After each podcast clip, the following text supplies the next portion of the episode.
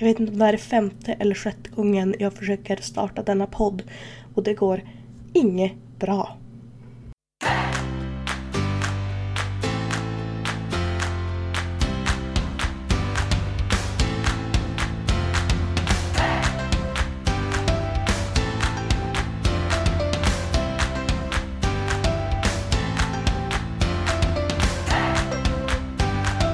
Innan jag börjar detta avsnitt så skulle jag vilja be er om en liten tjänst. Och det är att ni som använder iTunes eller Podcaster-appen, alltså iTunes poddapp, att ni kan gå in på min podd och lämna en recension och ett litet betyg kanske. Det skulle vara jättesnällt. Så, idag så ska jag alltså prata om psykisk ohälsa, eh, min egna psykiska ohälsa och mina tankar om samhällets psykiska ohälsa, eller samhällets syn på psykisk ohälsa. Jag har sedan jag var 13 tror jag. Det var i början av sjuan. Jag vet inte exakt hur gammal man är då, men jag skulle säga 13. Jag har i alla fall haft erfarenhet av psykisk ohälsa sedan dess. Eh, såklart i perioder och så, men det var liksom då jag kom i kontakt med det första gången. Och då var det i form av tankar om mat och vikt och så. Det är väl då man är som mest känslig för sånt, kan jag tänka när man liksom kom in i puberteten och det hände grejer med kroppen och så. Sedan har det väl gått lite upp och ner med det. Från att jag var 13 tills, ja men än idag skulle jag säga. Det relaterat till maten var väldigt mycket ångest, skam, självhat. Men framförallt ångest skulle jag säga. Det var första gången jag liksom fick vara med om det. Nästa gång jag fick erfara någonting, förutom, alltså som inte hade med ätstörning eller ångest att göra, var när jag skulle börja första året på gymnasiet och eh, helt enkelt gick in i en depression och inte riktigt förstod vad det var heller.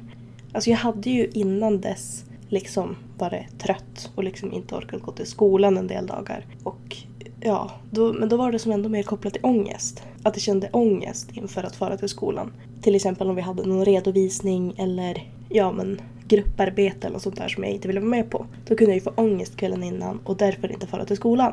Men det här var som första gången jag inte ville fara till skolan utan någon speciell anledning. Det var ju såklart eh, lite spännande med ny klass och ny skola och sådär eftersom att jag började på eh, Balder då. Men jag fick som ändå vänner och trivdes väldigt bra ändå. Och det gick ju bra fram tills kanske september eller oktober, någonstans där. Då jag kände att jag började må sämre och att jag fick högre och högre frånvaro i skolan. Och tog då kontakt med skolans kurator. Och vi pratade och försökte komma fram till varför jag mådde dåligt och så. Och hon var liksom min första kontakt med psykiatrivården, eller vad det kallas. Och även om jag känner att hon kanske inte hjälpte mig på samma sätt som min senaste kontakt med vården, alltså med när jag har gått på Unga Vuxna, så var hon ändå väldigt viktig då kände jag. För att hon verkligen stöttade mig liksom. Hon var även den personen som liksom stöttade mig när jag eh, valde att flytta. När mina, för mina föräldrar skilde sig ju under sommaren innan jag började ettan. Så jag bodde ju varannan vecka som min brorsa. Men hon var liksom den som stöttade mig i att ta beslut om att bara bo hos mamma. Det är jag väldigt tacksam för. För att om jag inte hade haft det stödet då så hade jag förmodligen inte klarat av det. Men hon, ja, hon sa att hon märkte att det stressade mig och att jag liksom i alla fall kan testa att bara bo hos mamma eftersom att det var liksom där jag kände mig trygg. Och det var väl också där det startade med att jag började ta tag i känslor gällande min pappa och så.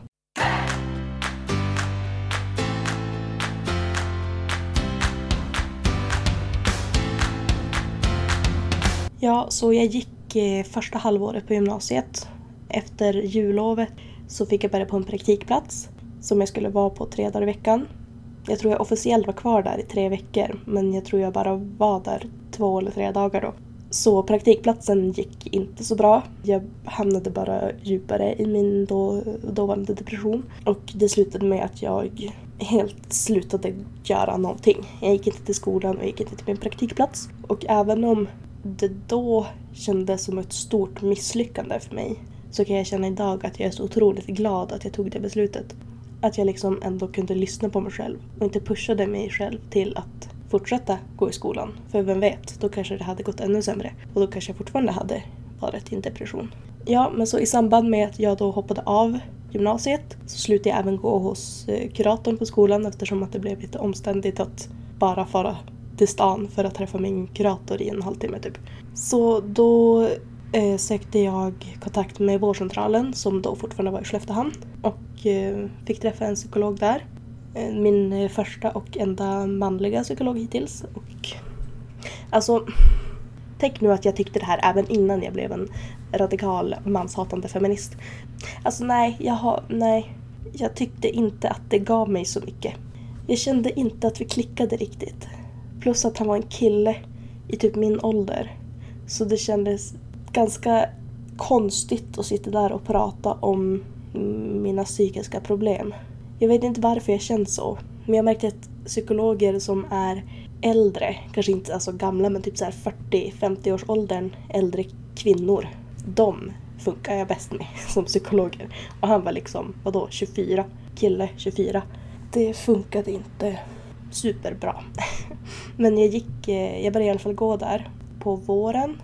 Nu har jag ingen aning vilket år det här var, kanske 2015 eller 2016. Ja, mm, våren där i alla fall. När eh, man egentligen gick ut ettan. Eh, så började jag gå hos honom på grund av att jag hade börjat få panikattacker. Och jag vet helt ärligt inte hur jag blev av med dem. För att jag kände inte att våra samtal gav någonting. Men jag började som ändå må bättre. Och ju bättre jag mådde desto färre panikattacker fick jag. För jag antar att de liksom var relaterade till stress och ångest och så. Men det blev bra i alla fall. Jag gick hos honom från typ april till början av juli kanske. Och jobbade även då under sommaren och mådde hur bra som helst. Så när vår liksom våra terapisamtal var över så sa jag bara att nej men jag, jag, kände, jag kände liksom inte att jag behövde fortsätta ha kontakt med honom. Eller med vården överhuvudtaget. För att jag kände att jag ändå mådde så bra. Och det gjorde jag väl. Jag jobbade juli, augusti. Och då var det kanske tänkte att jag skulle börja om skolan. Och då började jag om ettan. Men jag kände att jag tar ett sabbatsår och så ska jag jobba istället. Och jag jobbar väl, ja men, jag jobbar ju under sommaren och sen augusti, september jag minns inte om jag jobbade något i oktober också. Det kan vara så att jag jobbade halv oktober också. Och sen så minns jag bara över en helg när jag liksom hade jobbat så länge att det bara, det var som att en blick slog ner. Alltså det bara, jag bara låg i sängen. Jag bara mådde så dåligt. Alltså jag har mått dåligt sedan dess men jag har aldrig mått så dåligt som jag gjorde då i hela mitt liv. Jag upplevde även självmordstankar för första gången och jag var jätterädd jag förstod liksom inte vad som hade hänt. För jag hade liksom mått bra ja, men juni, juli, augusti, september och så då typ halv oktober. Så för typ fyra och en halv månad hade allt varit så otroligt bra. Och så boom, från ingenstans så djupdök jag bara ner liksom i depression igen. Och det var då jag och mamma tog kontakt med BUP för första gången. Ställdes i väntekö där i typ oktober. Fick komma på ett bedömningssamtal i november eller december, minns inte riktigt. Och fick sedan börja på samtal där i januari tror jag det var. Och jag fick även börja äta antidepressiva där då på bedömningssamtalet i november eller december när det nu var. Jag vet att det är jättemånga som har dåliga erfarenheter av BUP. Men alltså det var det bästa som har hänt i hela mitt liv helt ärligt. För det första så var det första gången jag på riktigt fick prata om saker som betydde något. Jag fick liksom gräva djupt ner och ta saker sakerna från där det började typ. Till exempel när jag hade mina panikångestattacker så måste det ha berott på någonting. Men jag pratade aldrig om vad det berodde på utan pratade bara om att jag hade dem och att jag ville få bort dem. Men här började jag liksom första gången få prata om saker som, som betydde någonting, som hjälpte mig. Men då eftersom att jag fyllde, det var då 2016 som jag var på bedömningscentralet och så sen efter jul och januari 2017 då fick jag börja där.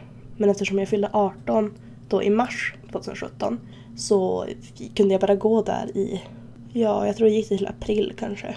Så jag gick där i typ fyra månader kanske. Men eftersom att jag hade, jag hade börjat gå på antidepressiva där i november.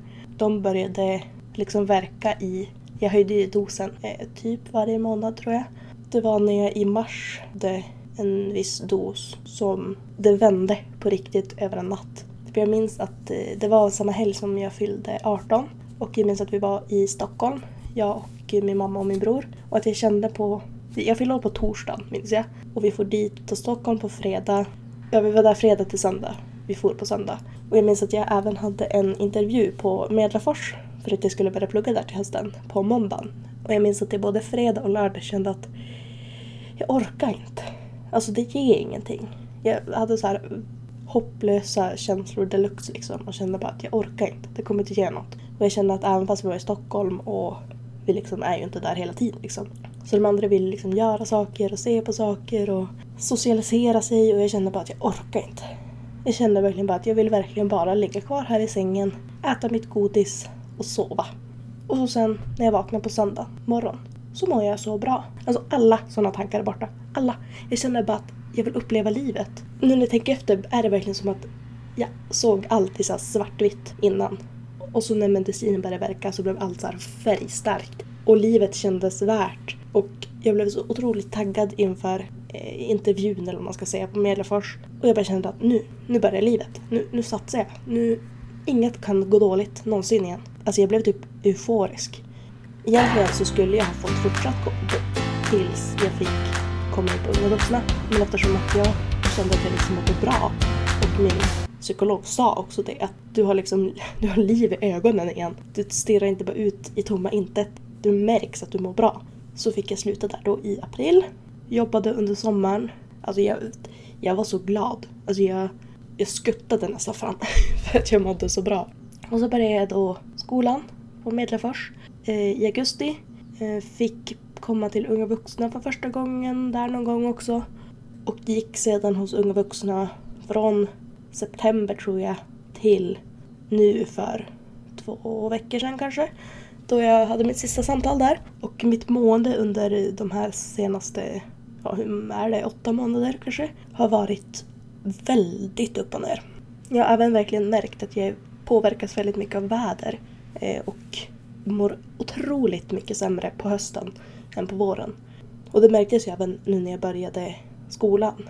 Min frånvaro, eller närvaro, gick från att jag var där i skolan typ varenda dag, augusti, september. Och så blev det bara färre och färre dagar från oktober till december. Och hade 53 procents frånvaro där sista månaden, två månaderna typ. Och då blev jag väldigt rädd att jag liksom var på väg ner igen. Eftersom att allt började kännas hopplöst och jag fick mer ångest och allt var bara jättejobbigt. Men sen nu när det liksom har börjat komma åt ljusare tider så märker jag ju att mitt mående blir bättre. Men även nu så har ju liksom skolan gått lite sämre. Eller alltså, jag märker som att jag har mycket energi i början av en termin. För att nu i början av vårterminen så var jag ju där varenda dag i typ en och en halv månad. Och det kanske inte låter som någonting för en del men alltså det är, det är väldigt jobbigt.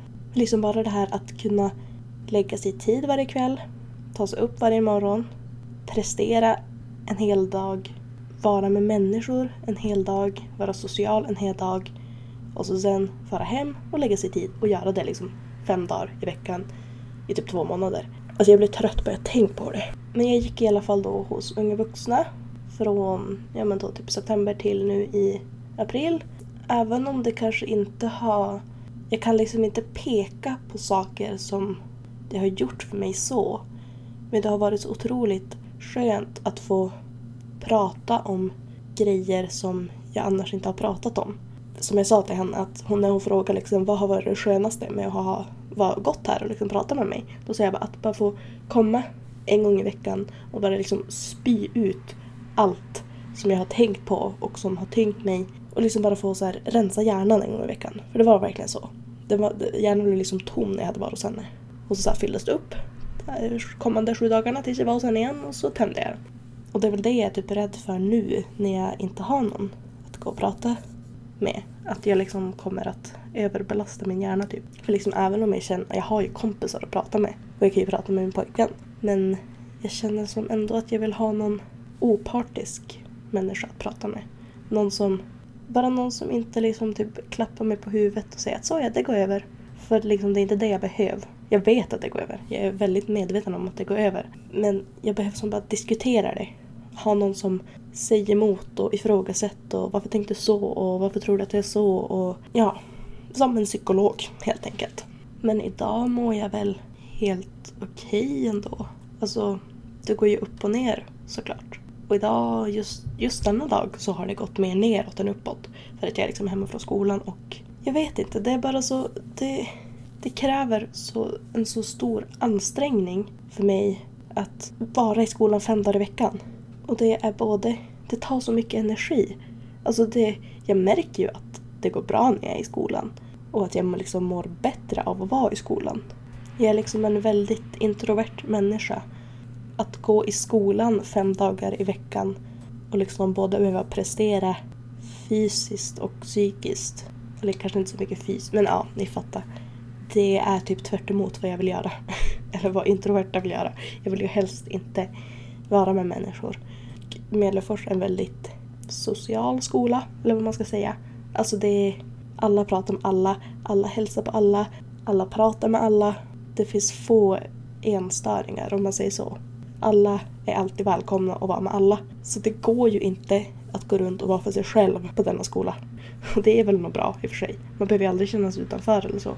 Men då vet jag å andra sidan att när jag far till skolan så måste jag prestera socialt. Och det kan vara lite jobbigt dagar när jag känner att jag behöver ligga kvar i sängen. Då hjälper det ju inte att veta att jag känner att jag måste prestera när jag far till skolan. Även om lärarna säger att du får bara komma som du är. Har du en dålig dag så får du komma ändå. Du behöver inte alltid vara 100% ditt bästa jag. Men det är väl där jag har typ ett problem, att jag kan som inte underprestera. Jag måste vara 100% mitt bästa jag hela tiden. Jag vet liksom inte vem jag är om jag inte är 100% mitt bästa jag. Då är jag väl typ i mina ögon deprimerad och mår skit. Och det är även något som jag antar att det är samhället som har bidragit till det. Att jag har jättesvårt för att berätta när jag mår dåligt just i stunden. Jag har inte så mycket problem med att liksom nu sitta här och prata och berätta om att jag har mått dåligt. Och liksom har haft självmordstankar och vara på väg att ringa in till psykakuten flera gånger. Men jag har jättesvårt om någon skulle fråga liksom, har du ångest? Och om jag hade ångest så skulle jag 99% säga nej, det har jag inte.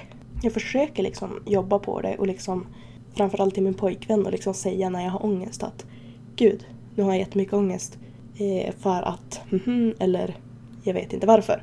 Och även om jag vet att ingen dömer mig så känns det ändå som att folk gör det. Jag är väldigt mycket så här att jag tror att andra ska reagera som jag reagerar.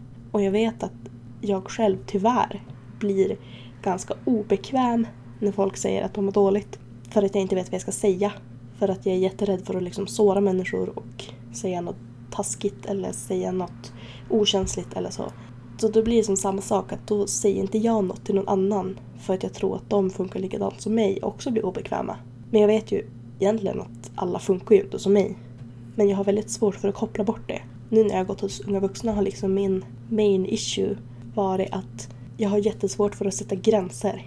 Jag har jättesvårt för att säga nej. Jag säger aldrig nej. Säger jag nej så är det aldrig face to face. Jag vet inte om det är någon som umgås med mig som har tänkt på det. Men jag har typ aldrig sagt nej face to face till någon. Om det har varit något. Alltså någon liksom frågar bara Vill du ha glass? Och jag inte vill ha glass. Då kan jag ju säga nej. Men om det liksom är något som påverkar någon annan. Bara, kan inte du skjutsa mig till eh, någonstans? Jag kan inte säga nej. Är det via mobil kan jag säga nej. Men då lägger jag oftast till en ursäkt. Och det är liksom inget, inget illa ment. Menar liksom inte att ljuga eller så. Men jag kan inte säga nej. För det känns som att jag är taskig och att folk tar illa upp och att de tycker att jag är elak och ja. Och det tänkte jag väl inte på riktigt innan jag började gå hos unga vuxna. Att det liksom var en grej för mig. Eller vad man ska säga, att jag aldrig sa nej. Men sen när jag började prata liksom med min psykolog på unga vuxna så började jag uppmärksamma det här. Att jag säger aldrig nej. Jag har svårt för att men, säga ifrån allmänt. Att jag, har, jag är jätterädd för att såra andra. Så allt som har med hur andra kan reagera så kan jag inte säga ifrån. Det kan vara jätteenkla saker som kan inte du springa in och hämta min dricka som jag glömde i hallen? Alltså bara något sånt. Jag kan inte säga nej.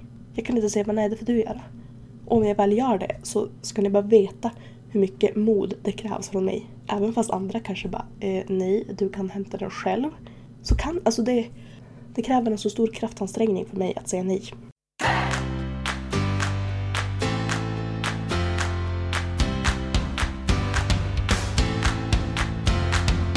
Något annat jag tänkte prata om i det här avsnittet är psykisk ohälsa överhuvudtaget. Eller alltså psykisk ohälsa i samhället. Och då är det framförallt något jag uppmärksammar egentligen bara början av det här året. Att det är så många killar som mår så dåligt och som tyvärr också har begått självmord.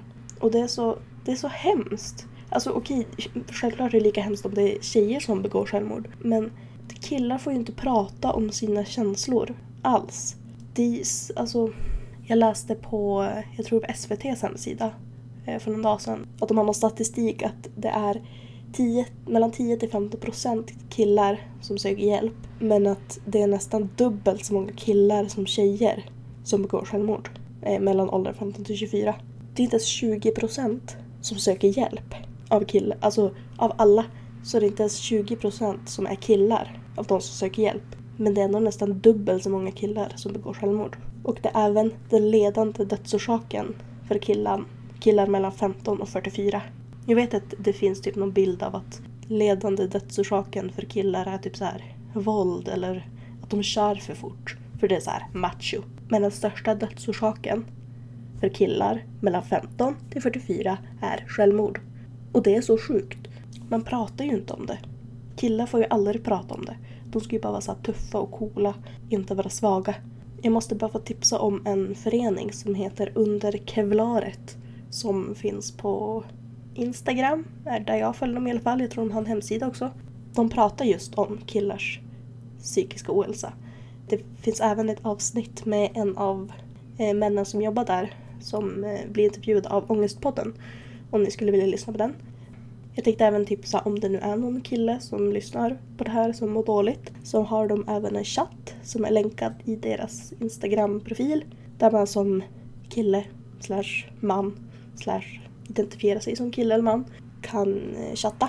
Om man ja, men känner igen sig i att jag mår jättedåligt. Men jag vågar inte visa det för att jag ska vara tuff och cool och köra snabba bilar. Typ. Jag tycker även en sån här töntig grej som påverkar främst killar, eller vad man ska säga, att man är svag när man mår dåligt. Och det är sådan bullshit. För att jag har aldrig i hela mitt liv varit så stark när jag mådde som sämst. Alltså aldrig. Jag är inte stark när jag mår bra, långt ifrån. Jag, då flyter allt bara på. Det är ju när liksom man ifrågasätter livet, när man inte vill leva längre. Det är då man är som starkast och står emot sånt. Det är då man är som starkast när man ändå fortsätter att kämpa och fortsätter att leva. Liksom. Och jag säger inte att de som har begått självmord är svaga, men det är en så konstig fördom att man är svag när man mår dåligt, eller om man mår dåligt. För det, man är inte svag, man är så stark, så otroligt stark. Det här avsnittet blev särskilt uppenbart för mig att spela in nu när det som sagt har varit så otroligt många dödsfall bland killar detta år. Eller otroligt, jag känner till tre, men det är liksom tre mer än jag någonsin har känt till. Två av dem har varit eh, folk i min närhet, eller killar i min närhet. Tänker inte gå in på deras dödsfall så, med liksom respekt för att de liksom bor omkring mig och de är inte offentliga personer, eller hur man ska säga. Men det var liksom, den ena vet jag var ett självmord. Den andra vet jag inte, men jag tänker att på det sättet han dog så kan man nog inte må bra jag vet inte om jag är helt fel ute men jag känner att även om det var en olycka så mådde han nog inte bra ändå. Jag vill liksom inte komma in på det mer än så. Men alltså ja. Och så nu det senaste här var ju Avicii, Tim, som begick självmord. Och jag har liksom aldrig varit så insatt i hans liv. Jag har liksom bara vetat vem artisten är och har inte haft någon koll alls. Jag visste inte ens att han hade slutat, helt ärligt. Men nu så efteråt har jag fått se väldigt många klipp ifrån hans eh, dokumentär. Där jag har fått sett otroligt många bilder och klipp ifrån där han säger att han mår så dåligt, att han inte orkar mer, att han vill dö. Uttryckligen sagt. Och jag förstår inte hur ingen kunde fånga upp det. Jag lyssnade på eh, Mia Skäringer och Anna Mannheimers eh, senaste poddavsnitt där de sa att då kanske, han kanske fick hjälp de kanske försökte hjälpa honom men det, han kanske inte, det kanske inte funkar helt enkelt. Då känner jag helt ärligt att de inte försökte tillräckligt. För att det är ingen människa som mår så dåligt att den borde dö. Det finns hjälp att få för alla. Och det måste ju ha varit någonting i hans liv som var så fel eller stressade honom så mycket att han inte orkar mer. Och då känner jag att om man hade haft hjälp så hade de personerna som hjälpte honom tagit bort stressmomentet ur hans liv. Och även om det var hans karriär så borde de ha tagit bort det. För att hellre att han lägger ner sin karriär än att han tog sitt liv.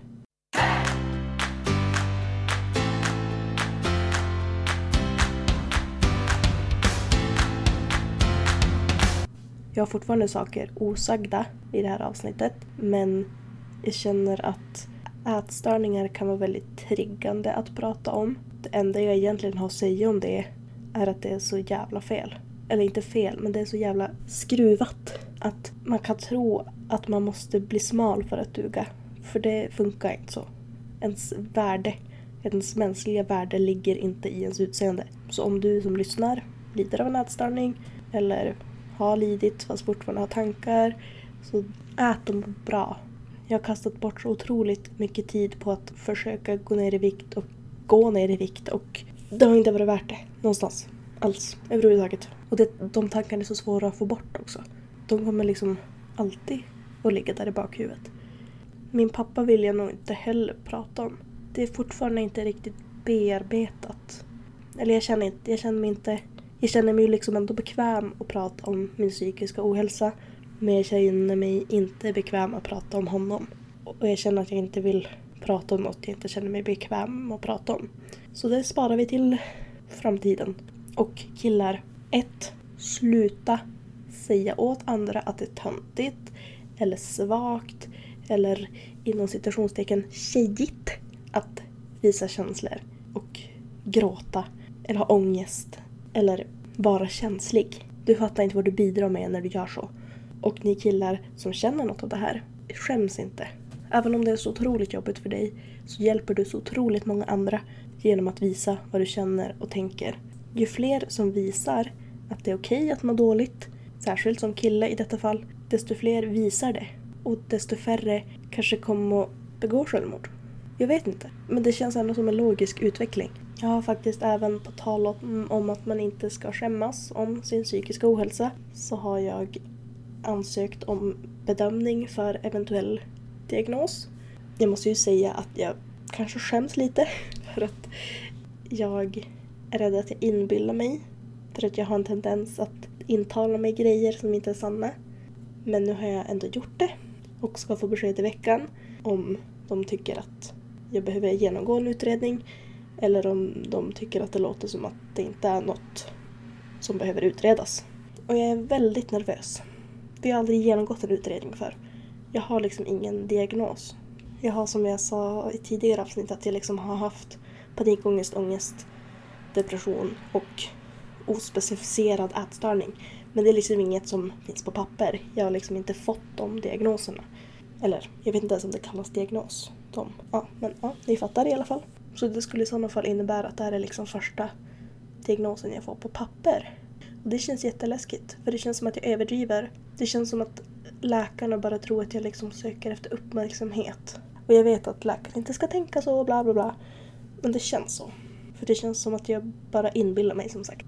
Jag liksom inbillar mig både att jag borde göra slut med min pojkvän, att jag borde skaffa barn med min pojkvän, att jag passar bäst i så här jätterosa och jätteblått och jättegrönt och eh, så här pastelliga fina färger. Det var bland annat eh, även därför jag färgade mitt hår rosa. Eh, ja.